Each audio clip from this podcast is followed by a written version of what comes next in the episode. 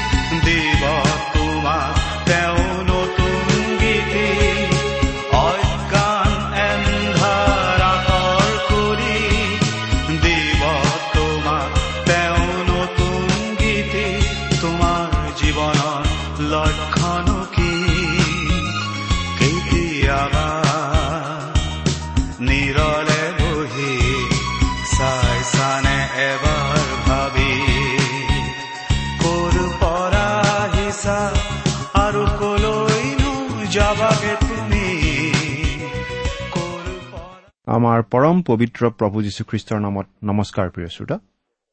আপোনাৰ ভালনে বাৰু? আশা কৰোঁ মহান পিতা পৰমেশ্বৰৰ মহান অনুগ্ৰহত আপুনি ভালে কুশলে আছে। প্ৰিয় শ্ৰোতা আমাৰ এই ভক্তিবচন অনুষ্ঠান আৰম্ভ কৰা আজি বহুদিন হৈ গ'ল। আপুনি যদি এই অনুষ্ঠান নিয়মিতভাৱে শুনি আহিছে তেনেহ'লে আমাৰ এই অনুষ্ঠানৰ বিষয়ে আপোনাৰ খুব স্পষ্ট ধাৰণা এটা হৈ গৈছে। আমিনো কি কথা কওঁ কেনেধৰণে আলোচনা আগবঢ়াওঁ সেই কথা এতিয়া আপুনি নিশ্চয় সহজে অনুমান কৰিব পৰা হৈছে। গতিকে এতিয়া আমি কি কথা ক'ম সেইটো আপুনি নিশ্চয় অনুমান কৰিব পাৰিছে। এৰা আপোনাৰ অনুমান ঠিক। আমি এতিয়া আপোনালোকক এটা অনুৰোধ জনাব খুজিছোঁ। আমাৰ এই অনুষ্ঠান শুনি আপুনি কেনে পাইছে আমালৈ চিঠি লিখি জনাই যেন। এই অনুষ্ঠান সম্বন্ধে আপোনাৰ মতামত জনাওক। অনুষ্ঠান শুনি আপোনাৰ কিবা উপকাৰ হৈছে যদিও জনাওক। খ্ৰীষ্টীয় বিশ্বাস সম্বন্ধে কিবা সুধিবলগীয়া কথা থাকিলেও আমালৈ লিখক। আপোনাৰ পৰা চিঠি এখন পালে আমি অতিশয় আনন্দিত হ'ম। আহকচোন আমাৰ আজিৰ বাইবেল অধ্যয়ন আৰম্ভ কৰাৰ আগতে মহান পিতা পৰমেশ্বৰৰ ওচৰত প্ৰাৰ্থনাত মূৰ্ণত কৰোঁ হওক। আমি প্ৰাৰ্থনা কৰোঁ হে আমাৰ স্বৰ্গত থকা মহান পিতা ঈশ্বৰ প্ৰথমতেই তোমাক ধন্যবাদ জনাইছো কাৰণ তুমি আমাক আৰু এটা নতুন দিন দেখিবলৈ দিলা।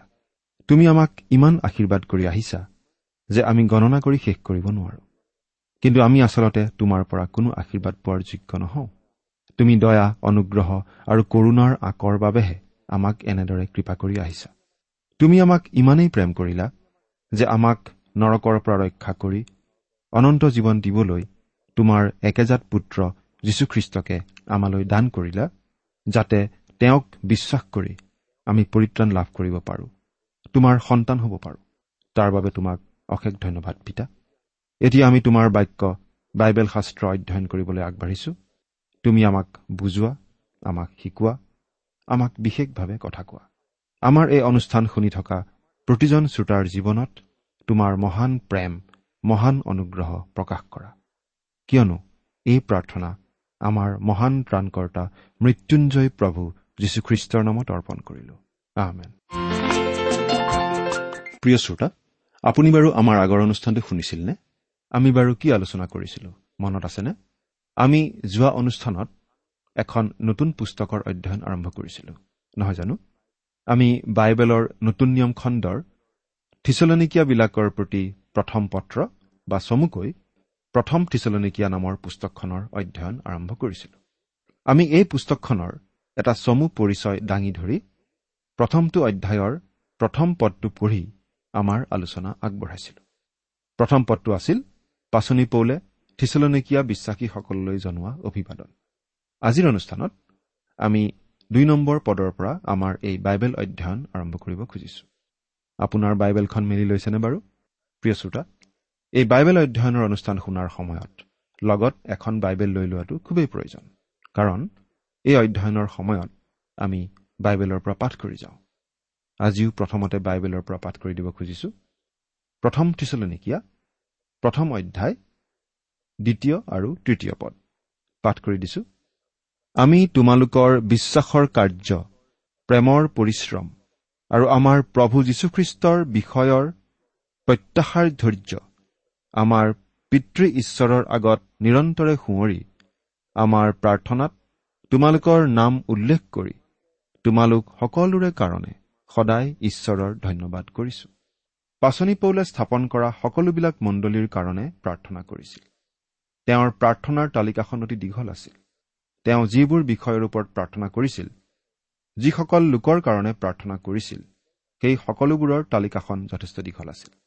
সেই তালিকাত বাৰু কোন কোন ব্যক্তিৰ নাম আছিল এই বিষয়ে আমি আচলতে সুকীয়াকৈ এটা অধ্যয়ন চলাব পাৰোঁ। পাচনি পৌলে যাক যাক প্ৰাৰ্থনাত সোঁৱৰণ কৰিছিল সেই নামবোৰ এফালৰ পৰা বিচাৰি গ'লে নিশ্চয় এখন দীঘল তালিকা হ'ব।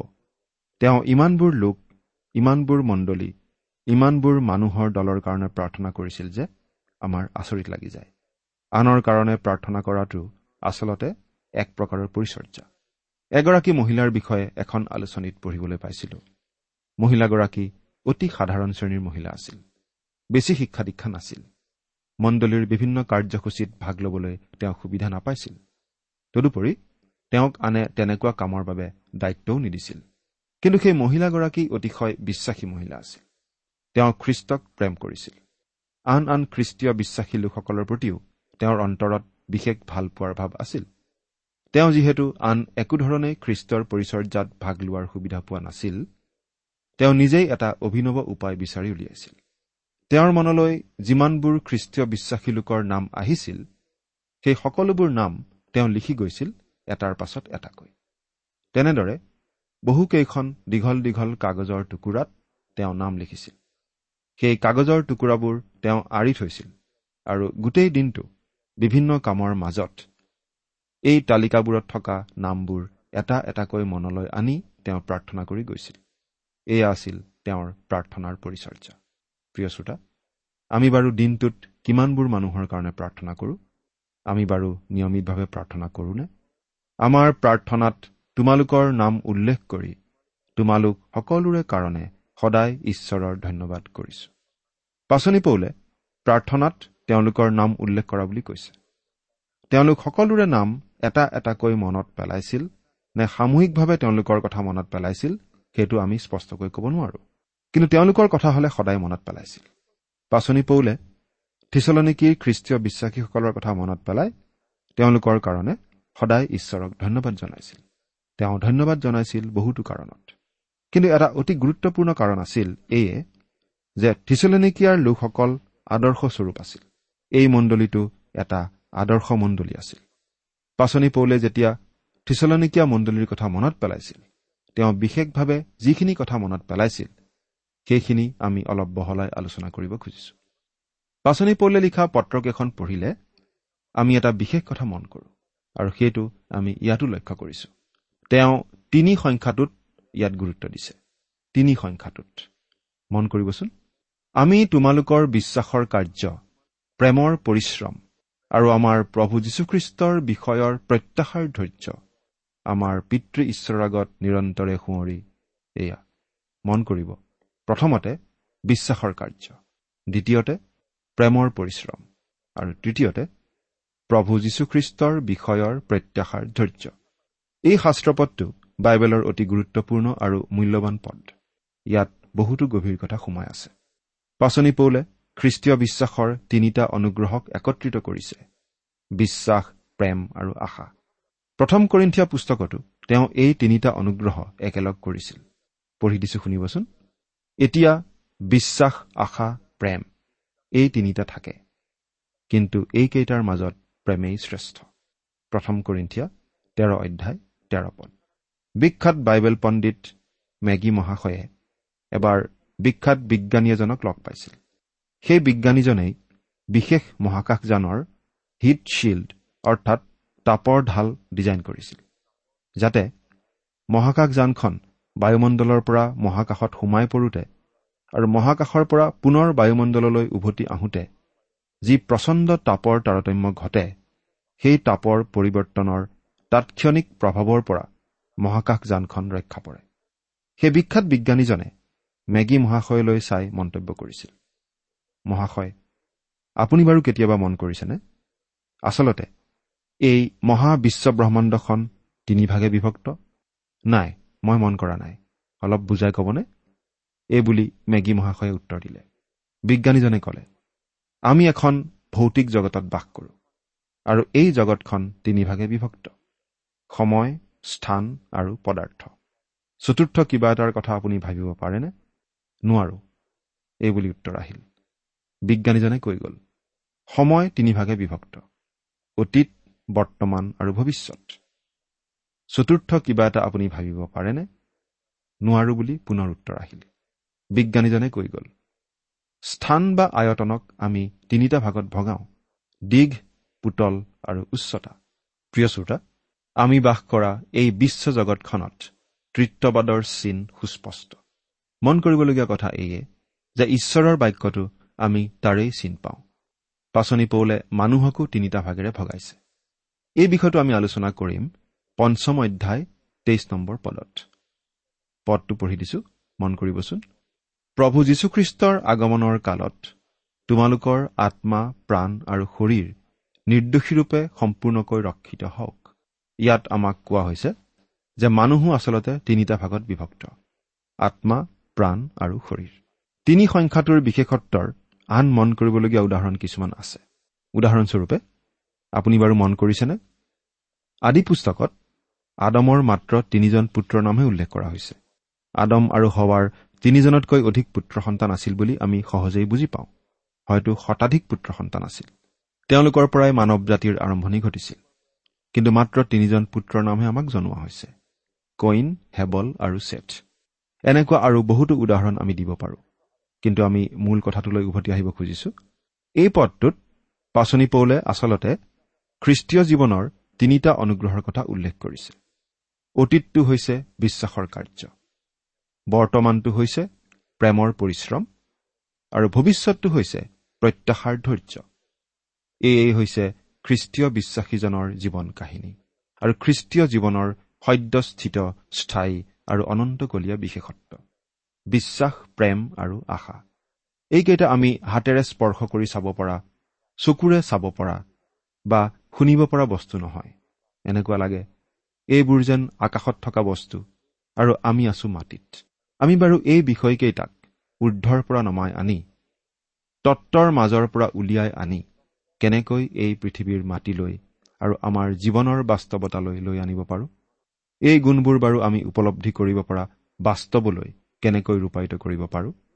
এইটো ঠিক কণ কণ ল'ৰা ছোৱালীক ভাল পোৱা এজন ঠিকাদাৰৰ কাহিনীৰ নিচিনা। সেই ঠিকাদাৰজনে এদিন ৰাস্তাৰ কাষত এটা ফুটপাথ সাজিলে। আৰু আবেলি তেওঁৰ কাম শেষ হোৱাত ঘৰলৈ গ'ল। পিছদিনা ৰাতিপুৱা আহি তেওঁ দেখিলে যে চিমেণ্টবোৰ কেঁচা থকা অৱস্থাতেই সেই ফুটপাথেৰে কিছুমান কণ কণ ল'ৰা ছোৱালী খোজকাঢ়ি গৈ তাত ভৰিৰ চিন ৰাখি থৈছে। তাকে দেখি তেওঁৰ খুব খং উঠিল আৰু খঙতে ভুৰ ভূৰাবলৈ ধৰিলে। তেতিয়া এজন মানুহে তেওঁক ক'লে আপুনি সৰু ল'ৰা ছোৱালীক ভাল পায় বুলিহে মই ভাবিছিলো? তেতিয়া সেই ঠিকাদাৰজনে উত্তৰ দিলে মই ভাল পাওঁ। কিন্তু ভাল পাওঁ মনেৰে হৃদয়েৰে। কিন্তু এই কংক্ৰিটৰ ওপৰত নহয়। এৰা বিমূৰ্ত আৰু মূৰ্ত বিষয়ৰ মাজত পাৰ্থক্য আছে। ইয়াত আমাৰ প্ৰশ্নটো হ'ল এই বিষয়কেইটাক অৰ্থাৎ এই বিমূৰ্ত শব্দকেইটাক আমি বাৰু কিবা প্ৰকাৰে মূৰ্ত ৰূপ অৰ্থাৎ সকলোৱে দেখা আৰু অনুভৱ কৰিব পৰা ৰূপ এটা কেনেকৈ দিব পাৰোঁ? পাচনি পৌলে এই শব্দ তিনিটা কোনোবা অজান দেশৰ পৰা আনি যেন আমাৰ এই ধূলি মাকতিৰে ভৰা আলিবাটত খোজ কঢ়াই দিলে। এই কামটো তেওঁ কেনেকৈ কৰিছে মন কৰকচোন? বিশ্বাসৰ কাৰ্য প্ৰেমৰ পৰিশ্ৰম আৰু প্ৰত্যাশাৰ ধৈৰ্যৰ পাছতে তেওঁ থিচলনিকীয়া বিশ্বাসীসকলৰ জীৱনৰ তিনিটা বিশেষ খোজ উল্লেখ কৰিছে। তোমালোকে প্ৰতিমাবোৰৰ পৰা ঈশ্বৰলৈ পালতিলা এইটো হৈছে বিশ্বাসৰ কাৰ্য। জীৱনময় সত্য ঈশ্বৰৰ সেৱা কৰিবলৈ। এইটো হৈছে প্ৰেমৰ পৰিশ্ৰম। তেওঁৰ পুত্ৰ যি যীশু তেওঁ স্বৰ্গৰ পৰা অহালৈকে অপেক্ষা কৰিবলৈ। এইটো হৈছে প্ৰত্যাশাৰ ধৈৰ্য। বিশ্বাসৰ কাৰ্য বুলি ক'লে আমাৰ অলপ আচহুৱা যেন লাগে কাৰণ আমাক কোৱা হৈছে অনুগ্ৰহেৰে বিশ্বাসৰ দ্বাৰাই তোমালোকে পৰিত্ৰাণ পালা আৰু সেয়ে তোমালোকৰ পৰা নহয় ঈশ্বৰৰহে দান। কোনেও যেন শ্লাঘা কৰিব নোৱাৰে এই নিমিত্তে সেয়ে কৰ্মৰ পৰাও নহয়। ইফিচিয়া দুই অধ্যায় আঠ আৰু ন পদ। তথাপি ইয়াত আমাক বিশ্বাসৰ কাৰ্য বুলি কোৱা হৈছে। আচলতে জাকুব আৰু পৌলৰ মাজত যে মতবাদৰ পাৰ্থক্য নাই সেই কথাটো ইয়াত প্ৰকাশ পাইছে। জাকুবে লিখিছে কিন্তু কোনোৱে ক'ব তোমাৰ বিশ্বাস আছে আৰু মোৰ কৰ্ম আছে। বাৰু তেন্তে বিনা কৰ্মেৰে তোমাৰ বিশ্বাস মোক দেখুওৱা আৰু মই মোৰ কৰ্মৰ দ্বাৰাই তোমাক বিশ্বাস দেখুৱাম। জাকুব দুই অধ্যায় ওঠৰ পদ। এয়ে হৈছে বিশ্বাসৰ কৰ্ম। এনেদৰেই কামৰ মাজেদি আনৰ আগত বিশ্বাস প্ৰদৰ্শন কৰা হয়। আমি যদি প্ৰভু যীশুত বিশ্বাস স্থাপন কৰিছো সেই বিশ্বাস আমাৰ কৰ্মৰ মাজেদি প্ৰকাশ পাই উঠিবই লাগিব। বিশ্বাস হৈছে ঈশ্বৰৰ বাক্যৰ প্ৰতি মানুহৰ আত্মাৰ সঁহাৰি। যেতিয়া কোনো মানুহে ঈশ্বৰৰ বাক্যৰ প্ৰতি সঁহাৰি দিয়ে তেওঁ বিশ্বাসৰ খোজ লয়। এই বিষয়ে পাচনি পৌলে দ্বিতীয় কৰিন্ঠিয়া পাঁচ অধ্যায় সাত পদত লিখিছে। দ্বিতীয় কৰিন্ঠিয়া পাঁচ অধ্যায় সাত পদ। আমি দেখাৰ দ্বাৰাই নচলি বিশ্বাসৰ দ্বাৰাই চলিছো। প্ৰভু যীশুৱেও এই কথাকে কৈছিল। তাতে তেওঁলোকে তেওঁক সুধিলে ঈশ্বৰৰ মনোনীত কৰ্ম কৰিবলৈ আমি কি কৰিব লাগে? যীশুৱে উত্তৰ দি তেওঁবিলাকক ক'লে ঈশ্বৰে যিজনক পঠালে তেওঁত বিশ্বাস কৰাই ঈশ্বৰৰ মনোনীত কৰ্ম। জোহন ছয় অধ্যায় আঠাইছ আৰু ঊনত্ৰিছ পদ। যীশুৱে আমাক কৈছে আমি বিশ্বাসৰ দ্বাৰাহে ঈশ্বৰৰ ওচৰলৈ আহিব পাৰোঁ। আমাৰ কৰ্মেৰে নহয়। আৰু এই বিশ্বাস আমাৰ কৰ্মৰ মাজেদি প্ৰকাশ পাব। শিষ্যসকলৰ জীৱনতো আমি ইয়াৰ সুন্দৰ উদাহৰণ দেখা পাওঁ। লোক পাঁচ অধ্যায় চাৰি আৰু পাঁচ পদ পঢ়িলে আমি এনেদৰে পাওঁ। প্ৰভু যীশুৱে চিমুন পিতৰক কৈছিল দলৈ গৈ মাছ ধৰিবলৈ জাল খেও দিয়া হওক। তেতিয়া চিমুন পিতৰে উত্তৰ দিছিল আমি উৰে ৰাতি শ্ৰম কৰি একো নাপালো। তথাপি আপোনাৰ কথাত জাল পেলাওঁ। অৰ্থাৎ গোটেই ৰাতি মাছ নোপোৱা সত্বেও প্ৰভু যীশুৰ কথামতে আকৌ জাল মাৰিবলৈ গ'ল। এয়েই হৈছে বিশ্বাসৰ কাৰ্য। আমি এই কথা মনত ৰখা উচিত যে বিশ্বাসৰ কাৰ্য মানে হৈছে ঈশ্বৰৰ বাক্য অনুসাৰে কাৰ্য কৰা। ঈশ্বৰৰ বাক্য সঁচা বুলি মানি লৈ সেইমতে কাৰ্য কৰা। ঈশ্বৰৰ মনোনীত কৰ্ম মানে কি? যীশুখ্ৰীষ্টত বিশ্বাস কৰাই হৈছে ঈশ্বৰৰ মনোনীত কৰ্ম। যীশুৱে কৈছিল ঈশ্বৰে যিজনক পঠালে তেওঁত বিশ্বাস কৰাই ঈশ্বৰৰ মনোনীত কৰ্ম। জোহন ছয় অধ্যায় ঊনত্ৰিশ পদ। যেতিয়া আপুনি ঈশ্বৰৰ বাক্য অনুসাৰে কাৰ্য কৰে আপোনাৰ বিশ্বাস গোটেই জগতৰ আগত প্ৰকাশিত হ'ব। এয়েই হৈছে বিশ্বাসৰ কাৰ্য। কইন আৰু হেবলৰ জীৱনতো আমি একেটা কথাই দেখো। কইনৰ সমস্যা কি আছিল? কইন জন্মসূত্ৰে পাপী আছিল। কিন্তু তেওঁ পাপী আছিল নিজে বাছি লোৱা পথ আৰু কাৰ্যৰ যোগেদিও। কিন্তু বাইবেলত হেবলৰ বিষয়ে কোৱা হৈছে বিশ্বাসৰ গুণে হেবলে ঈশ্বৰৰ উদ্দেশ্যে কইনতকৈ উত্তম বলিদান উৎসৰ্গ কৰিলে আৰু তাৰ দ্বাৰাই তেওঁ যে ধাৰ্মিক ইয়াৰেই সাক্ষ্য দিলে ইব্ৰী এঘাৰ অধ্যায় চাৰি পদ। যদিও কইনৰ নিচিনাকৈ হেবলো জন্মসূত্ৰে পাপী আছিল তেওঁ ঈশ্বৰৰ বাক্যৰ প্ৰতি সঁহাৰি দিছিল আৰু ঈশ্বৰক বিশ্বাস কৰিছিল। ঈশ্বৰক বিশ্বাস কৰাৰ কাৰণেই তেওঁ পৰিত্ৰাণ পাইছিল। সেই বিশ্বাস তেওঁ প্ৰকাশ কৰিছিল উচিত বলিদান দিয়াৰ দ্বাৰা। বিশ্বাসেই হৈছে বিশ্বাসী আৰু ঈশ্বৰৰ মাজৰ যোগসূত্ৰ। ইয়াৰ যোগেদিয়েই ঈশ্বৰৰ বাক্য আমাৰ অন্তৰলৈ আহে আৰু আমি সঁহাৰি দিওঁ। থিচলনিকীয়া বিশ্বাসীসকলে প্ৰতিমাবোৰ এৰি ঈশ্বৰলৈ ঘূৰিছিল। পৌলে তেওঁলোকক সেই কাম কৰিবলৈ কোৱা নাছিল। তেওঁ খ্ৰীষ্টৰ শুভবাৰ্তাহে ঘোষণা কৰিছিল। তেওঁলোকে খ্ৰীষ্টক বিশ্বাস কৰাৰ লগে লগে নিজে নিজেই প্ৰতিমাবোৰলৈ পিঠি দিছিল। তেওঁলোক ঈশ্বৰলৈ ঘূৰিছিল। থিচলনিকীয়া বিশ্বাসীসকলৰ প্ৰেমৰ কাৰ্যৰ কথাও পৌলে সদায় মনত পেলাই বুলি কৈছে। প্ৰেমৰ কাৰ্যনো কি? ঈশ্বৰে আমাক অনুগ্ৰহেৰে উদ্ধাৰ কৰে। অনুগ্ৰহ হৈছে প্ৰেমৰ কাৰ্য। এজনী ছোৱালীয়ে খুব শকত কেঁচুৱা এটা কোনোমতে দাঙি লৈ গৈছিল। এজন মানুহে সুধিলে কেঁচুৱাটো তোমাৰ বাবে খুব বেছি গধুৰ হোৱা নাইনে? ছোৱালীজনীয়ে ক'লে নাই হোৱা। ই মোৰ ভাই প্ৰেম। প্ৰিয় শ্ৰোতা প্ৰেম। এয়েই প্ৰেম। প্ৰেম কাৰ্যত এনেদৰেই প্ৰকাশ পায়। ঈশ্বৰে জগতক ইমান প্ৰেম কৰিলে যে নিজৰ একমাত্ৰ পুত্ৰ যীশুখ্ৰীষ্টকে দান কৰিলে যাতে তেওঁত বিশ্বাস কৰি মানুহে পৰিত্ৰাণ পাব পাৰে। প্ৰভু যীশুৱে শিষ্যসকলক কৈছিল তোমালোকে যদি মোক প্ৰেম কৰা তেন্তে মোৰ আজ্ঞাবোৰ পালন কৰিবা। জোহন চৈধ্য অধ্যায় পোন্ধৰ পদ। প্ৰভু যীশুক যদি আপুনি প্ৰেম নকৰে তেন্তে প্ৰভু যীশুৰ আজ্ঞা পালন কৰিবলৈ আপুনি নিশ্চয় টান পাব। কিন্তু যদি আপুনি তেওঁক সঁচাকৈয়ে প্ৰেম কৰে আপুনি প্ৰভু যীশুৰ আজ্ঞা মানিবলৈ নিজেই ইচ্ছা কৰিব। কোনেও আপোনাক জোৰ কৰিব নালাগিব। প্ৰিয় শ্ৰোতা এই কথা আমি বাৰে বাৰে উল্লেখ কৰি আহিছো। যে ঈশ্বৰৰ প্ৰতি যি প্ৰেম সেই প্ৰেম প্ৰকাশ পাই উঠিব লাগে ঈশ্বৰৰ প্ৰতি আমাৰ বাধ্যতাৰ যোগেদি আমাৰ কামৰ যোগেদি। থিচলনিকীয়া বিশ্বাসীসকলৰ তৃতীয়টো মন কৰিবলগীয়া গুণ আছিল প্ৰত্যাশাৰ ধৈৰ্য। প্ৰত্যাশাৰ ধৈৰ্য। তেওঁলোকে প্ৰভু যীশুখ্ৰীষ্টৰ পুনৰ আগমনৰ দিনটোলৈ আশাৰে ধৈৰ্য ধৰি বাট চাই আছিল। সকলো মানুহেই ভৱিষ্যতৰ কিবা এটা আশা লৈ জীয়াই থাকে। আশাই মানুহক আগবঢ়াই লৈ যায়। এই কথা আমি সকলোৱেই জানো।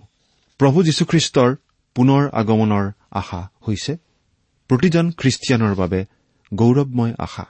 এই আশাৰেই খ্ৰীষ্টীয় বিশ্বাসী প্ৰতিজন লোকে ধৈৰ্য সহকাৰে নিজৰ জীৱন কটাব পাৰে। ধৈৰ্যৰ কথাটো যে আমি কৈছো ইয়াৰ কাৰণ আছে। কাৰণ খ্ৰীষ্টীয় বিশ্বাসী হিচাপে এই পৃথিৱীত জীৱন কটোৱাটো আচলতে সহজ নহয়। খ্ৰীষ্টীয় বিশ্বাসী হিচাপে কোনো লোকে যদি প্ৰকৃত বিশ্বাসী হিচাপে এই পৃথিৱীত জীৱন কটাব খোজে তেনেহলে এই জগতৰ ফালৰ পৰা তেওঁ পদে পদে বাধা বিঘিনি আদি পাবই। হয়তো তেওঁৰ ওপৰলৈ শাৰীৰিকভাৱে নানা ধৰণৰ তাৰণা ক্লেশ আহিব পাৰে। শাৰীৰিকভাৱে নহলেও মানসিকভাৱে বা আন যিকোনো প্ৰকাৰে নানা ধৰণৰ দুখ কষ্ট আদি তেওঁৰ জীৱনলৈ আহিব পাৰে। জ্বলন্ত জুইৰ মাজেৰে গতি কৰাৰ নিচিনা তেওঁৰ মাজে মাজে লাগিব পাৰে। এই জীৱন কেতিয়া শেষ হ'ব কেতিয়া শেষ হ'ব এনেকুৱাও হয়তো কেতিয়াবা তেওঁৰ লাগিব পাৰে। আৰু এনেকুৱা ধৰণৰ এটা জীৱনৰ মাজেদি আমি পাৰ হৈ যাব লাগিব বুলি আনকি প্ৰভু যীশুৱেও কৈ থৈছে। প্ৰভু যীশুত বিশ্বাস স্থাপন কৰা মানে জীৱনটো কোনো দুখ কষ্ট নথকা জীৱন হৈ পৰিব বুলি আমাক কেতিয়াও বাইবেলত কোৱা হোৱা নাই। বৰং প্ৰভু যীশুত বিশ্বাস কৰা লোকসকলে জগতৰ দ্বাৰা ঘৃণিত হৈ নানা ধৰণৰ ক্লেশ তাৰণা পাব বুলিহে প্ৰভু যীশুৱে কৈ থৈছে। তেওঁ কৈছিল যে তোমালোকক যদি কোনোবাই ঘীন কৰে তেতিয়া তোমালোকে জানিব লাগে যে তোমালোকক ঘীন কৰাৰ আগতে জগতে মোকেই ঘীনালে প্ৰভু যীশুকেই যি জগতে ঘীন কৰি ক্ৰুচত দিলে সেই জগতে প্ৰভু যীশুৰ বিশ্বাসীসকলক নিশ্চয় কেতিয়াও ভাল ব্যৱহাৰ নকৰে। সেইবাবে প্ৰতিজন খ্ৰীষ্টীয় বিশ্বাসীয়ে এই পৃথিৱীত খ্ৰীষ্টীয় বিশ্বাসী হিচাপে বাস কৰোতে যেতিয়া নানা ধৰণৰ দুখ কষ্ট আদিৰ সন্মুখীন হ'ব লগা হয় তেতিয়া তেওঁ ধৈৰ্য ধৰাৰ প্ৰয়োজন হৈ পৰে। ধৈৰ্য ধৰি থাকিবলগীয়া হয়। কিন্তু সেই ধৈৰ্য ধৰিবৰ কাৰণে প্ৰতিজন খ্ৰীষ্টীয় বিশ্বাসীৰ আগত এটা আশা আছে। এটা গৌৰৱময় আশা আছে। সেই আশাটো কি? সেই আশাটো হৈছে প্ৰভু যীশুখ্ৰীষ্টৰ পুনৰ আগমনৰ আশা। আজি কিন্তু মানুহে ক্ষণস্থায়ী বস্তুৰ ওপৰত আশা স্থাপন কৰে। আন মানুহক আশা কৰে ধন সম্পত্তি আদিৰ ওপৰত আশা স্থাপন কৰে। কিন্তু যিকোনো জাগতিক বিষয়ৰ ওপৰত স্থাপন কৰা আশাই মৰিচিকাৰ নিচিনা তেনে আশাৰ সপোন এদিন চুৰমাৰ হবই। উদাহৰণ আমি নিতে নিতে দেখিয়েই আছো। কিন্তু প্ৰভু যীশুৰ ওপৰত স্থাপিত আশা গৌৰৱময় আশা। প্ৰভু যীশুত ভৰসা কৰা কোনো লোকেই কেতিয়াও লাজত পৰিব লগা নহ'ব। তেওঁ মৃত্যুঞ্জয় ঈশ্বৰ। তেওঁ কেতিয়াও মিছা কথা ক'ব নোৱাৰে। তেওঁ তেওঁৰ প্ৰতিজ্ঞা ৰক্ষা কৰিবই। তেওঁ প্ৰতিজ্ঞা কৰাৰ দৰেই আকৌ পৃথিৱীলৈ আহিব। আহিবই। প্ৰতিজন খ্ৰীষ্টীয় বিশ্বাসীক সৰগলৈ উঠাই লৈ যাবই। এই কথা মনত ৰাখি। সেই গৌৰৱময় দিনৰ কথা মনত ৰাখি আমি এই পৃথিৱীত নানা দুখ কষ্টৰ মাজেৰে ধৈৰ্যেৰে বাট বুলিব পাৰো। সেই ধৈৰ্য আপোনাৰ জীৱনত বাৰু আছেনে? সেই গৌৰৱময় আশাৰ নিশ্চয়তা আপোনাৰ জীৱনত বাৰু আছেনে? প্ৰভু যীশুত বিশ্বাস স্থাপন কৰা প্ৰতিজন লোকৰ হৃদয়ত সেই নিশ্চয়তা থাকে। আপোনাৰ আছেনে? চিন্তা কৰি চাওকচোন। ঈশ্বৰে আপোনাক আশীৰ্বাদ কৰক।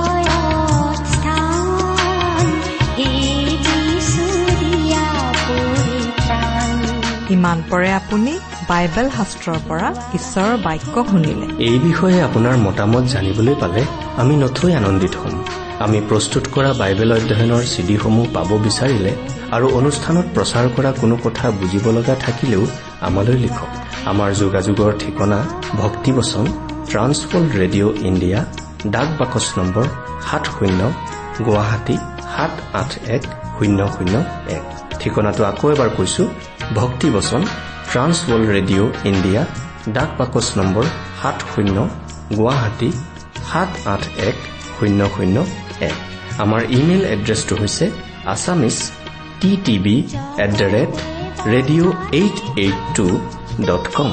আমাৰ website W W W dot T W R dot in. আপুনি টেলিফোনৰ মাধ্যমেৰেও আমাক যোগাযোগ কৰিব পাৰে। আমাৰ টেলিফোন নম্বৰটো হৈছে nine eight five four zero' four zero' eight eight nine.